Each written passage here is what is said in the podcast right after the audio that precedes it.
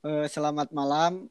Uh, saya di sini dengan Mas Alam S Anggara, dosen panggilan di Universitas Indonesia. Selamat malam, Mas. Malam, malam. Kali ini saya akan membahas mengenai COVID-19 yang sekarang lagi menjadi perbincangan di dunia global dalam bingkai hukum internasional. Nama saya mau bertanya beberapa pertanyaan mungkin atau mendiskusikan dengan Mas Alam sebagai orang yang di bidangnya, di bidang hukum internasional.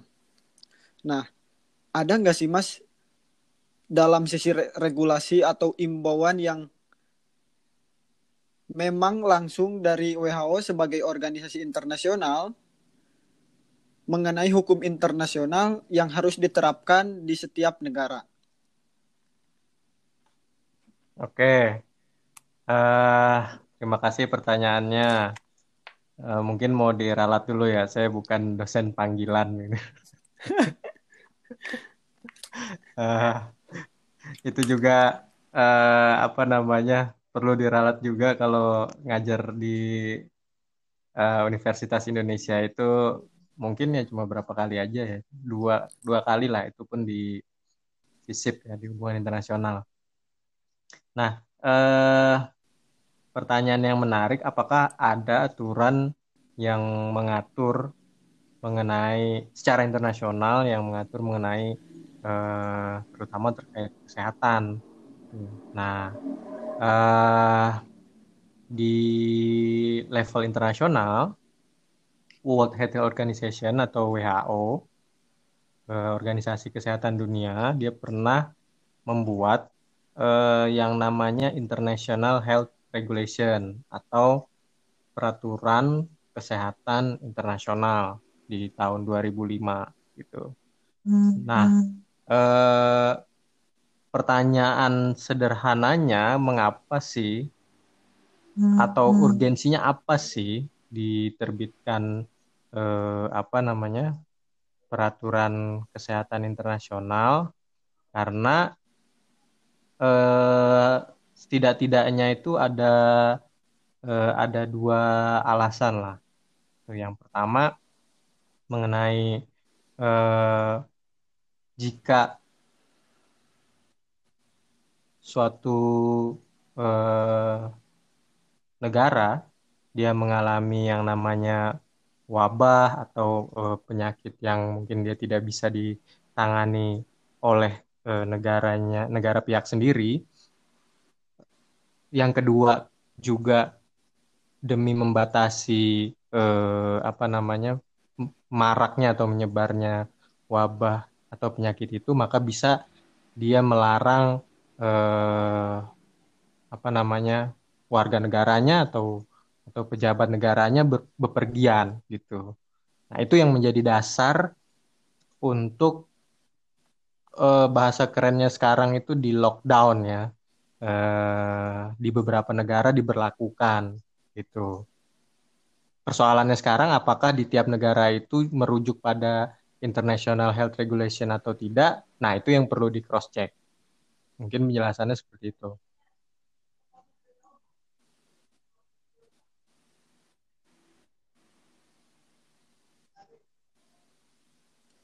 Nah, ini juga yang menjadi uh, yang menarik juga terkait dengan PSBB yang diterapkan di Indonesia, Mas.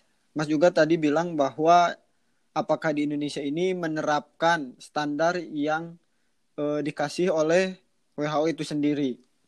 Nah, apakah ada nggak sih Mas dari berba uh, dari semua negara ini yang menerapkan standar WHO, itu sendiri terutama di Indonesia. Nah, terus yang selanjutnya juga bagaimana sih ancaman kesehatan yang bisa apakah bisa maksudnya apakah bisa COVID-19 hmm, ini benar. mempengaruhi nah, dinamika politik uh, yang ada di eh, internasional khususnya Indonesia itu hal, sendiri, Mas. International Health Regulation ini dia dimaknai sebagai legally binding instrument gitu. Jadi instrumen hukum yang mengikat gitu. Jadi karena kita sudah menjadi anggota uh, eh, WHO, Indonesia sudah menjadi anggota WHO, begitupun juga Tiongkok ya. Artinya International Health Regulation ini dia mengikat gitu. Dia legally binding, mengikat secara hukum. Nah, eh, sifatnya dia mengarahkan gitu ya negara-negara untuk ayo kita sama-sama untuk menyelamatkan kehidupan dan eh, bahaya dari penyebaran eh, apa eh, virus, eh, penyakit atau penyakit yang memiliki resiko tinggi gitu. Nah, eh, apakah ada negara yang menerapkan pembatasan uh, physical distancing itu ya yang merujuk pada International Health Regulation kalau mungkin setidak-tidaknya uh, saya ngambil contoh itu ada hmm, beberapa hmm. negara misalnya uh, Spanyol, uh, Swiss dan uh, Australia gitu. Nah, di Spanyol itu di Spanyol, Swiss dan Australia mereka punya kesamaan kemiripan eh, pola. Jadi eh, bagi setiap warga negaranya yang apa namanya di masa physical distancing ini mereka berada di itu ya eh, bahkan memberikan sanksi eh, pidana bagi warga negaranya yang eh, dia beraktivitas di luar gitu ya uh, dan dampaknya besar sekali tuh uh, ke perekonomian, ke pasokan bahan pangan dan lain-lain gitu. Tapi memang itu dilematisnya dari uh, International Health Regulation ini gitu. Karena dia selain dia pencegahan, dia juga ada fungsi untuk uh, kontrol dan perlindungan uh, yang secara ketat gitu. Sehingga apa? Sehingga ya itu tadi eh, apa namanya negara-negara negara-negara pihak dari WHO ini bisa memberlakukan sanksi-sanksi pidana itu gitu. Nah, menarik juga Mas terkait dengan ini kan eh, Indonesia mempunyai hubungan yang sangat baik dengan negeri Tiongkok. Mm terutama dalam sektor uh, ekonomi industri karena hampir semua uh, industri Indonesia uh, dikirim dari negeri Tiongkok. Nah, yang menjadi pertanyaan apakah dampak virus corona ini terhadap hubungan internasional khususnya Indonesia dengan Cina, Mas? Nah, kalau dia bisa mengganggu hubungan uh, luar negeri antara Tiongkok dengan Indonesia ini bisa sangat mungkin terjadi gitu ya. Uh, kenapa? Karena uh, satu hampir apa namanya bahan baku di banyak uh, sektor industri itu didatangkan dari Tiongkok gitu ya. Kedua uh, sekarang ya kalau dilihat perekonomian di Asia memang Tiongkok ini lagi di lagi menguasai gitu. Sehingga apa? Sehingga dia bisa berdampak. E, minggu lalu itu ada ada diskusi yang menarik di Jogja. E, tema diskusinya itu apakah mungkin e, bisa menyeret, apakah mungkin menyeret Tiongkok ke pengadilan internasional gitu. Oh itu itu diskusi yang sangat menarik gitu. E, pertanyaannya, eh, jawabannya bisa iya, bisa enggak gitu. Bisa iya, kenapa? Karena satu, e, Tiongkok dari banyak pakar dan pihak itu menyebutkan bahwa Tiongkok melanggar international health regulation, terutama dalam konteks pemberian informasi awal mengenai uh, mewabahnya virus sorry uh, mengenai berapa uh, jumlahnya warga negara yang eh, terjangkit virus corona gitu. Kemudian pelanggaran yang kedua adalah eh, Tiongkok itu memberikan informasi kepada WHO informasi awal bahwa eh, virus corona ini hanya bisa ditularkan dari hewan ke manusia gitu. Padahal eh, perkembangan yang sangat pesat sekarang itu penularannya itu dari manusia ke manusia gitu. Jadi dua dua hal itu yang bisa menjadi dasar dan bisa menegaskan bahwa Tiongkok melanggar international health regulation.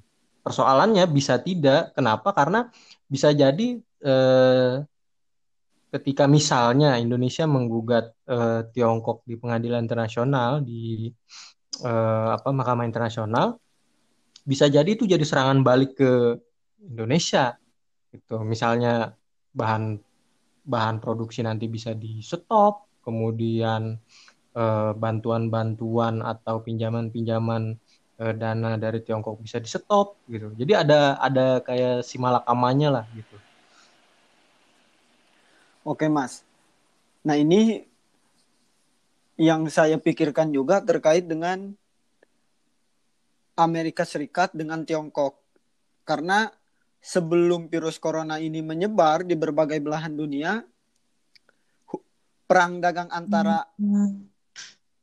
Negeri Paman Sam dengan negeri Tiongkok ini sangat menjadi perhatian atau perbincangan di berbagai negara.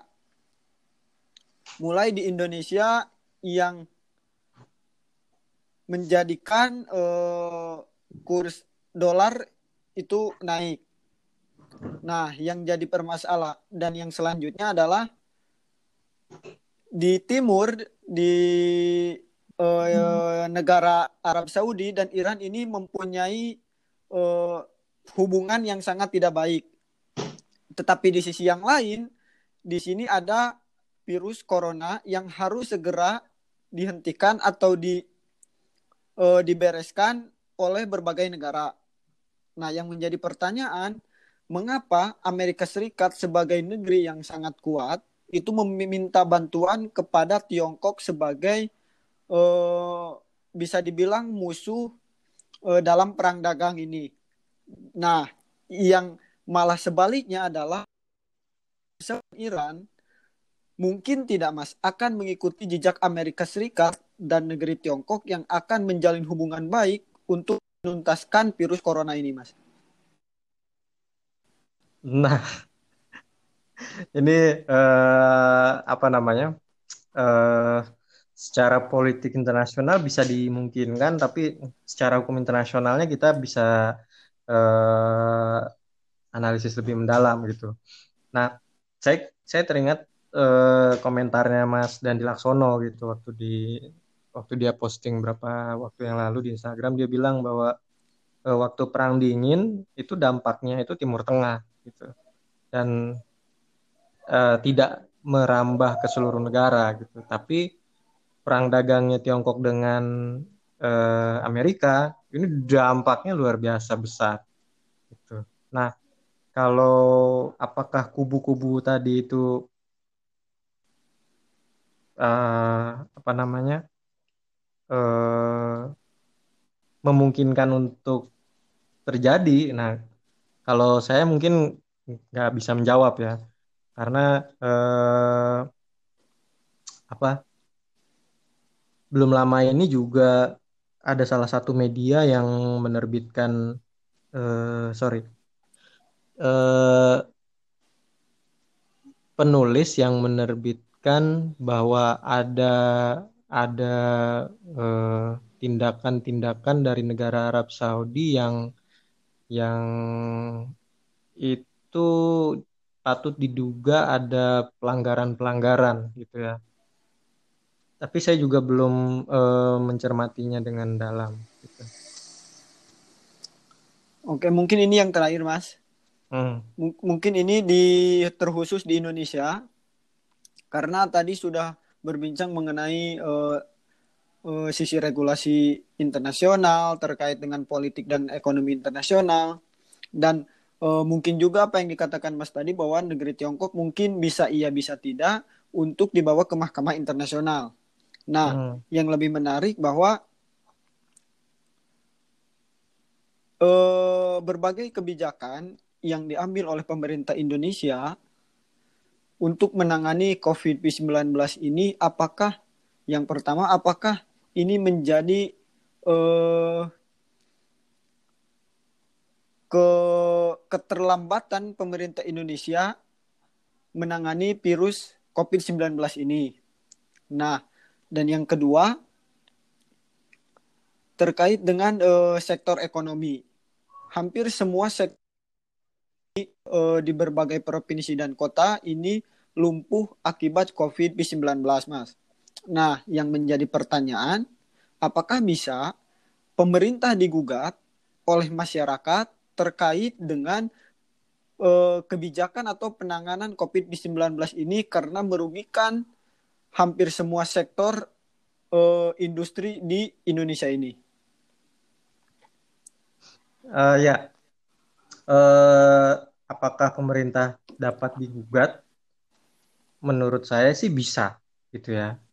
Uh, cuman saya mau jelasin dulu, uh, mungkin silang sengkarutnya ya di di Undang-Undang Nomor 6 Tahun 2018 tentang kekarantinaan kesehatan. Jadi gini, kebiasaan di eh, regulasi kita, jadi Undang-Undang tentang kekarantinaan kesehatan ini, kalau di bagian eh, apa namanya menimbang dan mengingatnya, sebenarnya ini jadi kebiasaan bahwa e, sering kali tidak dimasukkan aturan internasional di dalam bagian itu. Itu. Padahal penjelasannya itu e, saya tidak paham di naskah akademiknya itu, tapi kalau dilihat di pasal 1 eh, Undang-Undang Nomor 6 Tahun 2018 definisi kekarantinaan kesehatan yang dimaksud dalam undang-undang ini itu mirip dengan penjelasan di International Health Regulation gitu bahwa eh, mengapa kekarantinaan kesehatan itu dilakukan yaitu untuk upaya mencegah dan menangkal keluar atau masuknya penyakit dan atau faktor risiko kesehatan masyarakat yang berpotensi menimbulkan kedaruratan kesehatan masyarakat sebenarnya ini bahasanya itu mirip sekali dengan di undang-undang uh, di International Health Regulation, tapi persoalannya dia tidak mencantumkan itu.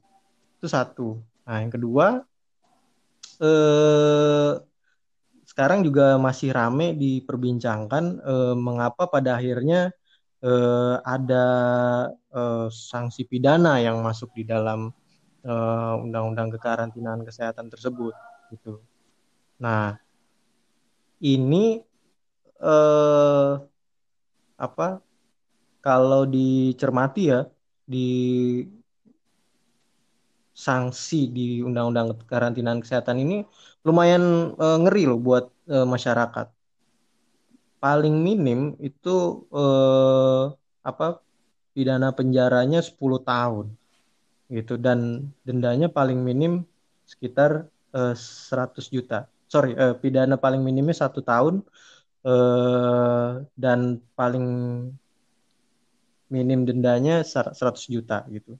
Nah, bisa dibayangkan ketika eh, yang difonis itu adalah eh, warga, warga negara yang ya bayangin aja untuk eh, misalnya dalam kondisi pandemi ini dia sudah di PHK, kemudian dia tidak punya pekerjaan, dia juga tidak punya eh, apa namanya eh, dana untuk beli pasokan bahan pangan gitu. Sehingga apa misalnya dia ya harus keluar untuk berjualan lalu dia dipidana gitu gara-gara dia keluar eh, rumah gitu. Nah ini yang menurut saya jadi nggak adil gitu. Yang ketika mungkin nanti menjadi puncak gunung es jadi banyak eh, apa namanya kasus di sana sini di banyak daerah ya sangat memungkinkan untuk eh, adanya gugatan eh, warga negara gitu. Eh, ya kita di banyak kasus di banyak isu eh, sebenarnya sudah banyak kok praktiknya eh, gugatan warga negara tersebut gitu.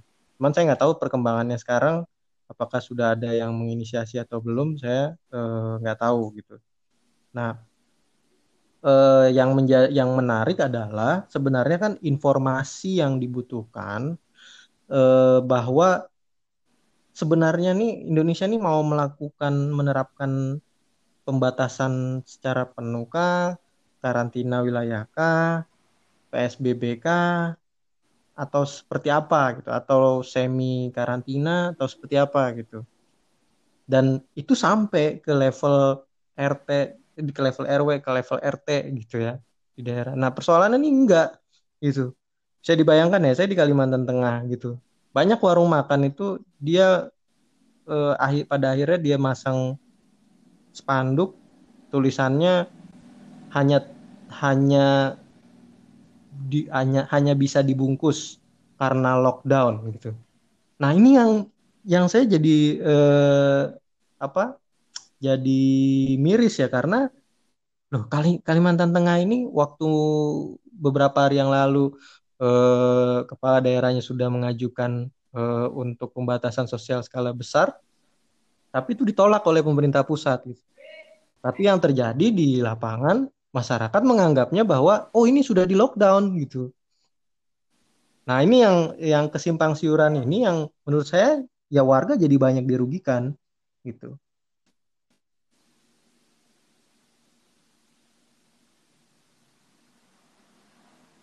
Ada lagi tadi pertanyaannya? Udah itu aja mungkin Mas. Nah, nah eh, mungkin tambahan, sekedar tambahan. Eh, yang menarik adalah mengapa di saat pandemi ini justru misalnya eh, apa legislator kita itu tetap membahas omnibus law misalnya ini yang menarik gitu loh. Padahal pemerintah secara tegas menyatakan bahwa ya work from home di rumah aja dan lain-lain. Nah, sedangkan omnibus law yang terang-terangan kemarin sedang ditolak oleh banyak pihak itu tetap dijalankan gitu. Artinya ini sekarang warga sedang dipertontonkan dengan ya warga ini harus ikutin yang mana gitu. Ikutin pemerintah untuk di rumah aja sedangkan kalau kita tidak memantau pembahasan omnibus law, ya mungkin eh, apa namanya banyak pakar bilang akan dirugikan gitu. Akan dirugikan ketika disahkan. Sama halnya eh, ketika kemarin banyak penolakan beberapa undang-undang ya. Kemarin di, sempat di pending, kemudian sekarang tetap dilanjutkan. Kemudian yang kedua, eh, yang menarik ketika eh, apa namanya di Jawa ya terutama di Jabodetabek saya lihat eh, sudah sangat lumayan ketat ya eh, penjagaannya.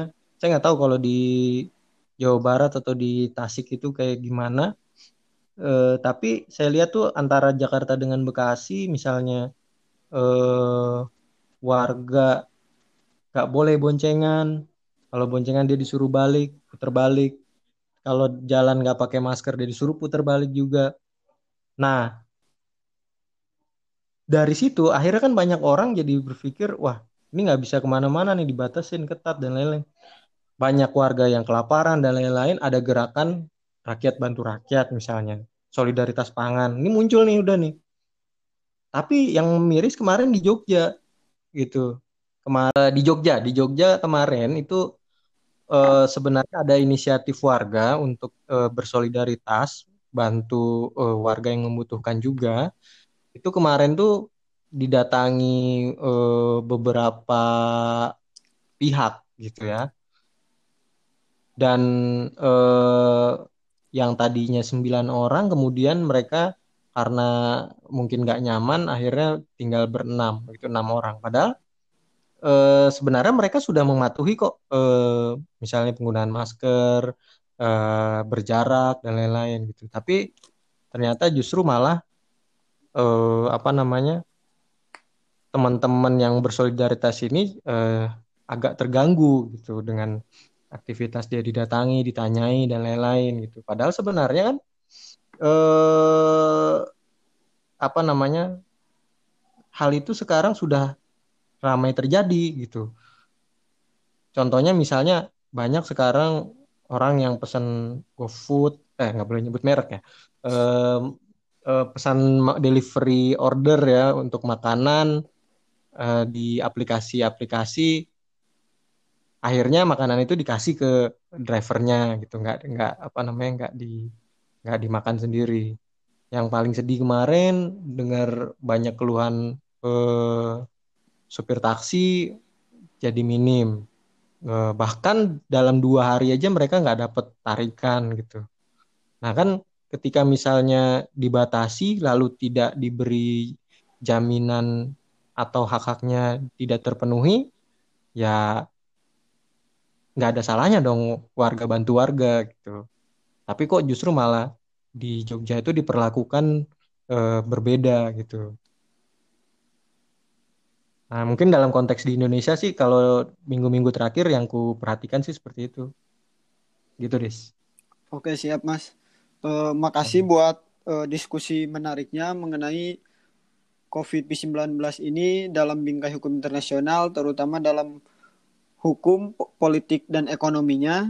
Ada banyak pembahasan menarik yang mungkin kita akan lanjutkan di diskusi-diskusi selanjutnya mengenai mungkin yang lebih spe yang lebih spesifik di Indonesia itu sendiri. Mungkin itu aja, Mas.